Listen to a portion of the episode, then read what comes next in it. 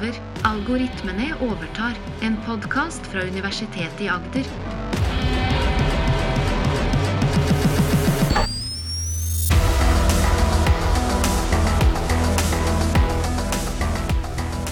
Du hører Maren og Morten snakke om kunstig intelligens. Det har dukket opp en ny vitenskapelig artikkel som har fått veldig mye oppmerksomhet. Language models can explain neurons in language models. Altså språkmodeller kan forklare nevroner i språkmodeller. Eh, Så de er- kan forklare seg selv? på måte? På veldig mange måter kan vi forklare seg selv. Og det er litt som om jeg ber hjernen min forklare min egen hjerne. Eh, ikke sant? Så litt ja. tricky.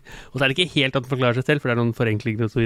Men detaljene kommer vi til. Men det er i hvert fall en språkmodell som forklarer en annen språkmodell. Og disse språkmodellene er veldig like. Jeg gleder meg til å høre om. Det blir bra. Og det er eh, OpenAI som har kommet med det. Eh, De forsker, eh, og de har brukt eh, GPT4 og GPT2. Så den, GPT, den, den språkmodellen som forklarer, det er GPT4. Og den språkmodellen som blir forklart, det er GPT2. Altså, Hvorfor har de brukt GPT2 og ikke GPT4 på begge Ja. steder? Kjempegodt spørsmål. Det er fordi de ikke klarte det på GPT4. De klarte ikke å forklare GPT4. Den er for stor og for kompleks. Ok.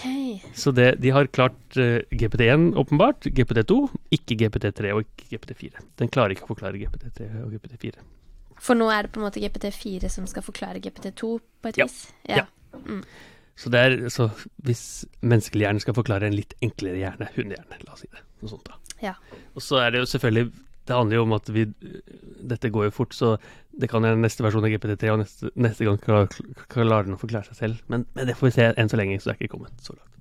Men det handler altså om, om, om det som heter tolkbarhetsforskning. Eh, det betyr kunstig intelligens som kan tolke inputene til, til eh, eh, Tolke nevronenes eh, innhold. Altså hvilken type, eh, for, hvilke type nevroner er på og av i sånne store, komplekse nevrale nettverk. Og dette Tradisjonelt sett, så når vi har tittet inn i slike nevrale nettverk, som kunstig nevrale nettverk, sånn som GPT eller andre type kunstig intelligens-nettverk, eh, så kan vi manuelt inspisere hvilke nevroner som er skrudd på, og hvilke som er skrudd av. Men når det er trillioner av nevroner, så er det for alle praktiske formål umulig. Det skalerer ikke så godt. Det fungerer i et lite nettverk, og ser liksom Jo, dette nevronet er skrudd på, dette nevronet er skrudd på, eller noe sånt. Eller men når det blir så mange og så store som det er i GPT4, eh, eller for det saks skyld GPT2, så er det veldig, veldig veldig tidkrevende å få det til. Sånn at man har brukt jeg vet ikke, millioner av år å kunne forklart en sånn eh, Såpass, ja. eh, Ja, for det, det er så masse. Eh, Det går ikke. Når det er hundrevis av milliarder av parametere, eh, og du skal sitte og titte hvilket er aktivert når, og hvilket er skutt på når for, så, eh, Veldig, veldig enkelt forklart så er det sånn at når du har et en kunstig intelligens som lærer fra en språk, så blir noen av nevronene skudd på, noen blir skudd av, for å generere eh, nye, nytt innhold. Så i GPT4 for eksempel, så er det ma- massive mengder av nevroner, og noen ganger så blir dette nevronet skudd på, og noen ganger blir dette skutt på, og det vil vi gjerne vite hvorfor. Og grunnene til at vi ønsker å vite hvorfor de blir skudd på, det, det er ganske mange faktorer, egentlig. Og en er tillit. For at vi skal mennesker skal stole på disse kunstige intelligenssystemene, så er det veldig nødvendig å forstå hvorfor de fungerer, og hvordan de fungerer. Og selv om vi forstår hvordan, så er det ikke alltid vi forstår hvorfor liksom, akkurat den delen av nettverket blir skudd på nå, og den delen blir skudd av. Mm. Man kan jo sammenligne det med vår egen hjerne. Hvorfor, blir, hvorfor tenker jeg på akkurat dette nå? Eh, jo, det er en eller annen nevronkobling i min hjerne som blir skutt på, men det er som ikke god nok forklaring. Eh, så hvis vi kan gå detaljer inn, så, så eh, kan vi jo finne ut ganske mye mer. Og så handler det også om så tillit, da. vi kan for- forstå hva som skjer. Men det handler også om ansvarlighet. Å vite hvordan et kunstig fungerer, kan jo hjelpe oss å tildele ansvar. Så hvis GPT foreslår eh, en dårlig straff i juridisk system, f.eks., så kan vi si jo, det skyldes akkurat de nevronene, og de nevronene kommer fra den datasettet, f.eks. Eller en selvkjørende bil krasjer, så kan jeg si jo, akkurat disse nevronene ble skudd på, disse kommer fra dette datasettet. Altså er det de som har ansvar. Eller som vi kan Ja, Eller vi kan så da kan det. vi plutselig eh, Plutselig være litt inne på eh, ansvarsområder og den type ting. Ja, i hvert fall beveger vi oss litt mot det. Vi Ja. sier det sånn at vi har en kunstig intelligens som sier at eh, den delen av nettverket er litt dårlig, eh, bytte ut. Eller eh, nå kan jeg si at det ble levert av den underleverandøren der. De har ansvaret, det juridiske ansvaret, f.eks. Eh, og så handler det om eh, sikkerhet. Hvis vi vet at den oppfører seg dårlig pga. de og de og de nevronene, så kan vi bytte de ut. Eh, bytte På forhånd, før det skjer noe.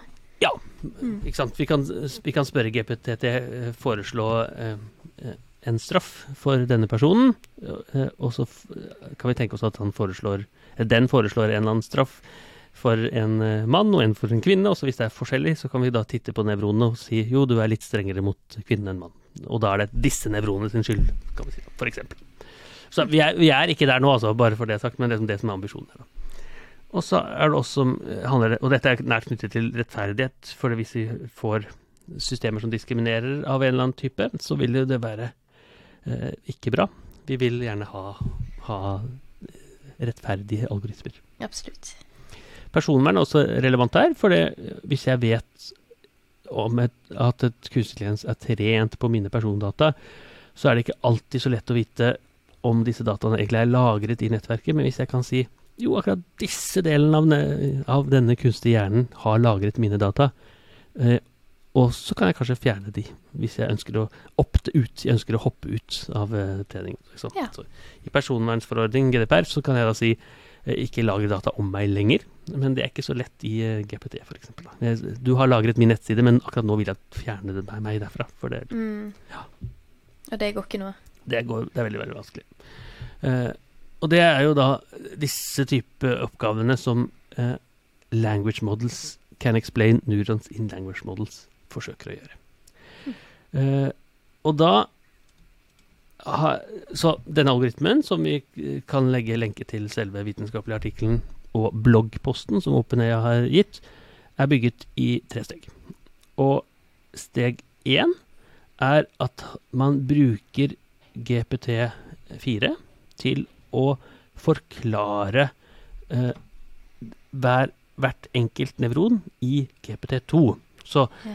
det betyr egentlig at hvis du tenker at eh, eh, et bestemt nevron i GPT2 alltid fyres av hvis den ser ordet hund, f.eks.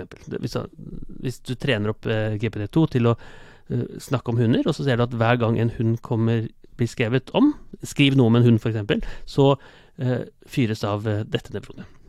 Og da kan man finne ut at eh, da kan GPT 4 få liksom hele GPT2 eh, store nevrale nettverket inn, og så sier de jo eh, dette nevronet blir skudd på når hun blir snakket om. Så det ser ut i aktuelt. Og så hvis vi da bare for forklarbarhetens skyld tenker på hjernen min, og så jeg da eh, sitter og ser på et eller annet, og så eh, ser på en hund, og så kan noen hjerneforskere titte at jo akkurat disse delen av synssenteret i hjernen blir aktivert akkurat da. Og det er liksom tanken da. Og da sender man bare inn som alle, alle, alle disse ma matematiske matrisene inn i GPT4, og så sier vi kan du være snill å forklare hvilke nevroner som blir skudd av og på i hvilke sammenhenger. Så det er steg én ja, for å få det til. Eh, henger du med, Maren? Litt, Ja. men så det- eh, ja. Ja, det, altså, egentlig så tenkte jeg bare at du sender inn hele dette eh, matematiske komplekset GPT2 inn i GPT4, og så sier vi forklar hvilke nevroner som blir eh, avfyrt når. ja. Når vi gjør en handling, da, Ja. eller? Nei, så sender du inn masse forskjellige tekster. Noen ganger sender du inn en tekst om en hund, noen ganger Så det er alltid tekster som Ja. er, dette er Alltid basert tekster, på. Ja. Så la oss si du sender inn hund, en tekst av en hund, og så da ser eh, nevronene sånn ut. Og du sender inn tekst av en katt, og så ser nevronene sånn ut. Du sender inn tekst av eh, kanskje våpen, og da ser nevronene sånn ut. Og da vet Men du at kan ikke sende et bilde, det er tekst som er Ja, du sender tekst. Ja. Du sender tekst også hjernen, på en måte, til GPT2. Hjernen i hermetegner. Så, så det er liksom steg én, få den forklaringen. Men det er, det er langt, langt fra nok. Eh, Ok. For det trengs to steg til. Eh, og steg to er at man prøver å simulere eh, det som har skjedd, med GPT-2 med GPT4. Altså nå som GPT4 har liksom fått en forståelse av hvordan hvert nevron blir avfyrt i GPT2, så prøver den å simulere og etterligne den oppførselen. Så det, hvis vi f.eks.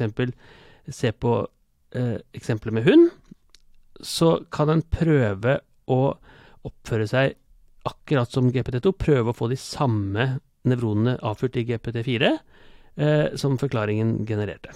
Altså den prøver liksom å si jo, nå har vi disse nevronene ble avfyrt i GPT2, jeg skal prøve å avfyre akkurat de samme hos, hos meg selv. Ja, så den prøver å herme. Her, ja, hermer, etterligner. Simulerer det som skjedde. Eh, og så vil den jo da, når den har simulert dette, så vil den da prøve å få samme outputen. Prøve liksom å eh, Hvis man i GPT2 har bedt skrive en historie med en hund, og så har den da etterlignet GPT2 i GPT4, og så skal den da prøve å gjøre det samme igjen. Så da simulerer den det samme, og prøver liksom å etterligne. Jeg skal kopiere Du har lært noe, f.eks., og så skal jeg prøve å, eh, å lære det samme, og istedenfor å lære det, så bare se på hvilke nevroner du har aktivert, og så skal jeg prøve å aktivere det samme i jeg. Og da har vi liksom yeah. liste om det samme. Eh, og så er det veldig veldig vanskelig i menneskelig forstand, for det er veldig veldig vanskelig å vite for meg hvilke nevroner hjernen din er koblet på. Yeah. I GPT4 GPT2 så går det fint, for da kan jeg se det. Og så er det siste steget, som egentlig er det eh, enkleste, i hvert fall sånn matematisk sett, det er å sammenligne hvilke Når den simulerer seg til, den prøver å etterligne det etterpå, sammenligne de simulerte aktivitetene i GPT4, GPT4 med aktivitetene i GPT2. Altså ja. For å se hvor likt det er. ja, se hvor likt det er. Eh, og det betyr at hvis jeg da prøver å sende inn hund i GPT2 og sende inn hund i GPT4, så er det identisk aktivering. Så har vi da eh, en eh, Så er det bra. Er det ikke identisk, så er det da ikke bra. Altså hvis du og, hvis du og jeg leser en historie om eh, tre hunder på veien til eh, butikken f.eks., så skal vi da ideelt sett få de samme nerveaktivitetene i hjernen til å florere samtidig. Ja. det jeg har liksom etterlignet det du har lært. Men selv om GPT4 er såpass mye mer avansert enn GPT2, så skal det være helt likt? Ja, så skal det, så skal det ideelt sett være helt likt. Ja. Og, og, og så får den da poeng hvis den er veldig lik, og minuspoeng hvis den er veldig langt unna. Ja. Og så hele poenget er at den skal da et, GPT4 skal etterligne en mye, mye enklere hjerne, GPT2. Det er. Mm. Og det der får den ikke til hvis den hadde skulle etterligne seg selv, altså GPT4. Nei, for, for da Ja, for det altså det er for blir- avansert. Ja, det er for avansert, egentlig. Så, så i prinsippet så skulle det gått e- egentlig også, for det er jo det samme. Man skulle nesten tro at det er enklere også, men det er noe med at når det er en større hjerne etterligner en mindre hjerne, så er det litt lettere å ha kontroll, Mm. egentlig. Men, men det som blir hele poenget da, det er at når den har etterlignet eh, hund, eh, så vet den jo ikke bare at nå har jeg hund, men den vet også hvilke nevroner som blir avført på grunn av det. Og da kan vi liksom gå inn i en tekst etterpå, eh, og så kan vi se på eh, Se på eh, en tekst, eh, og lytterne kan jo gå inn på vitenskapelige artikler og se en sånn tekst, for her står det Ja, for en der er det et eksempel. her er et eksempel. Og jeg skal, jeg skal lese hva som står, står i eksempelet først. For her har de brukt en tekst da hvor de hadde trent opp i GPT2 og så etterligna GPT4. Og så skriver de eh, teksten Many of our readers may be aware that Japanese consumers are quite fond of unique and creative KitKat products and flavors. Altså, eh, Mm. fint, fint, fin tekst. Og så kan vi da eh, fortelle hvilken nevroner blir avfyrt med eh, når eh, GPT4 ser ordet Japanese. Og da ser vi jo det disse nevronene blir avfyrt. Og så kan vi spørre i hvilke andre tilfeller blir akkurat de samme nevronene avfyrt? Eh, hvilke andre typer tekster? Og da forteller den at jo, i første lag her av eh, dette nevrale nettverket, så det er masse, nettverk masse lag av nevroner oppover, så er det de samme nevronene som blir avfyrt under Japanese, som eh, ord og uttrykk som har med japanske navn og eh, lokasjoner. Altså, det finnes Ja. et eller annet nevron i lag nummer null som, som alltid blir avfyrt når det er snakk om japanske navn og steder. Og så blir det et annet nevron avfyrt, eh, som er referert til koreanske steder og geografiske lokasjoner. Så her kan vi si at det er kanskje litt feil, for Japan og Korea er ikke likt. Men det er noen likhet, da. Det er liksom geografisk litt i nærheten av hverandre. Og Mhm. kanskje du liker KitKat i Japan og, og Korea også, for hva jeg vet. Men ikke helt riktig, da. Men dette er Eh, det som blir da avfyrt i av- GPT2. Ja, og, Nei, eh, vist, ja. ja, og så er det GPT4 som forklarer hvilke nevroner som blir avført i GPT2. For da forklarer liksom, nå kan liksom Istedenfor at de bare liksom Her blir disse avfyrt. Men det vi egentlig sier nå, det er hvilke ord er det som er relatert til det samme. Altså hvilken del av hjernen er det som aktiveres nå? Jo, nå Mm. ser vi at eh, japannevronene blir aktivert, egentlig. egentlig. Men også Korea. Også. Ja, også Korea. Eh, og så ser vi jo eh, eksempelvis Og så blir det mer og mer avansert når det går de massive, massive lagene. I lag én så ser vi at eh, eh, Dutch nationality blir avfyrt flere ganger, som har noe med nederlandsk eh, nasjonalitet. eh, eh, og andre typer geografiske lokasjoner. Eh, så hvis vi Men disse lagene, har det med hvilke steg man er på? Eller skjer hvert steg i hvert lag? Eller alle stegene i hvert lag?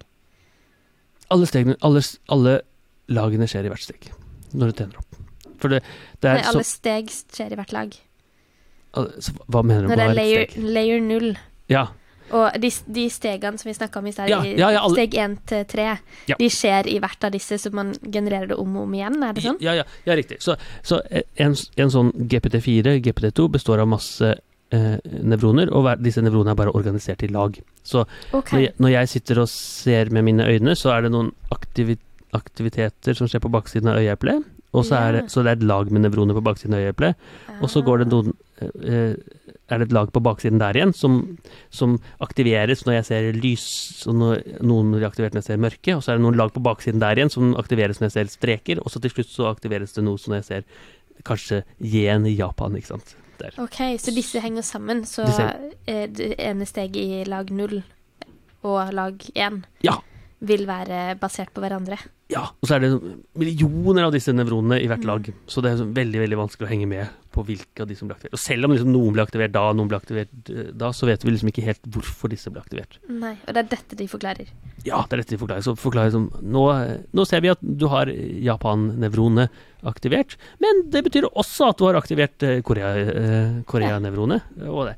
Eh, Og da kunne man tenke, da, hvis man hadde hatt en ansettelsesprosess, ikke sant. Eh, nå ser vi at eh, kvinnenevronet er blitt aktivert. Har du da også aktivert dårlig betaler, aktive eller har du ikke? ikke sant? Og hvis du har gjort det, så antageligvis en veldig, veldig dårlig algoritme. Ja. Eller nå har jeg lagd en, en våpenalgoritme og har kjent igjen ordet eh, drapsperson, f.eks. Har du da aktivert eh, andre type oppgaver som du ikke vil ha? Vil du ha aktivert Mm. mann, kvinne, som du kanskje ikke skal ha? Den og den typen eh, etnisk bakgrunn som man absolutt ikke vil. Så du får en sånn forklaring på hva som har skjedd inni her, da. Mm, mm. Og når vi ser på f.eks. Eh, ordet consumer, forbruker, så ser vi at den er relatert til klient. Den er relatert til spesifikke dager i uka, f.eks. Eh, og vi kan altså få en forklaring på veldig mye her. Eh, cooking er relatert til eh, eh, varme, eh, termiske aktiviteter, temperatur. Enjoy er relatert til eh, eh, rating, eh, smak osv. Og, så og da kan man jo egentlig, i hvilken som helst tekst, kan vi da finne ut eh, hva er det som er eh, eh, relevant her. Eh, ordet England er relatert til ordet Mac, så altså det er en assosiasjon der. Kanskje ikke nødvendigvis er det man egentlig ønsker. Men er det alltid ett og ett ord, eller tar den også fulle setninger? Ja, her er det ett og ett ord. Ja. Det er ikke noe i veien for at det kunne vært fulle setninger. Eh, men Nei, det blir ikke for avansert. Ja, det er akkurat det som, som er utfordringen, for det Ja. blir for mye, eh, Ja. egentlig. For det, hver gang du kobler sammen fulle setninger eller flere ord etter hverandre, så blir det jo en assosiasjonsspill Mm. som er helt utrolig. For da skal du liksom koble den setningen, og kanskje eh, kompleksiteten blir så mye mer. Så kanskje må du enda et steg. Ja, kanskje. Eh, ordet 'confusing' er relatert til 'hidden'. eh. Så det viser Poenget er at eh, nå har vi eh, GPT2 har da lært noe veldig, veldig fornuftig. Ikke bare funker den, men vi kan også liksom titte og se når er det disse nevronene blir aktivert, aktivert, og vi kan liksom etterfølge litt mer Mm. enn en vi har gjort før. Se litt mer hvorfor. Se litt mer hvorfor. Og så skal det sies at de er veldig, veldig åpne på at dette er langt unna en god nok forklaring, for det er liksom bare ord som er assosiert med andre ord.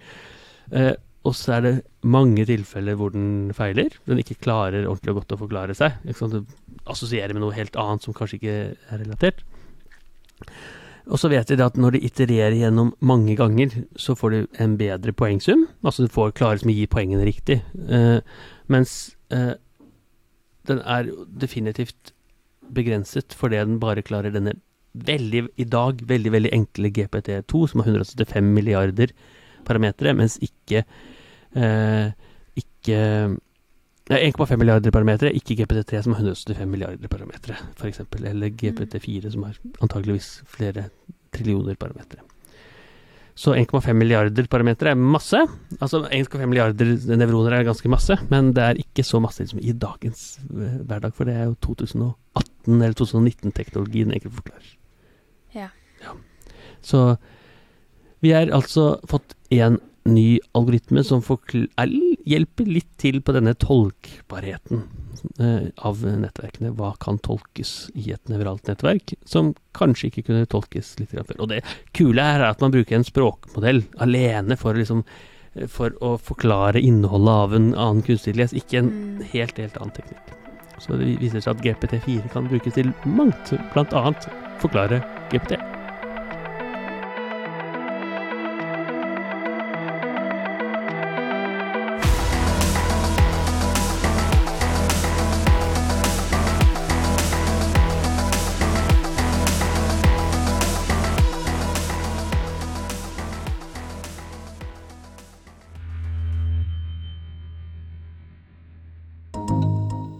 Universitetet i Agder.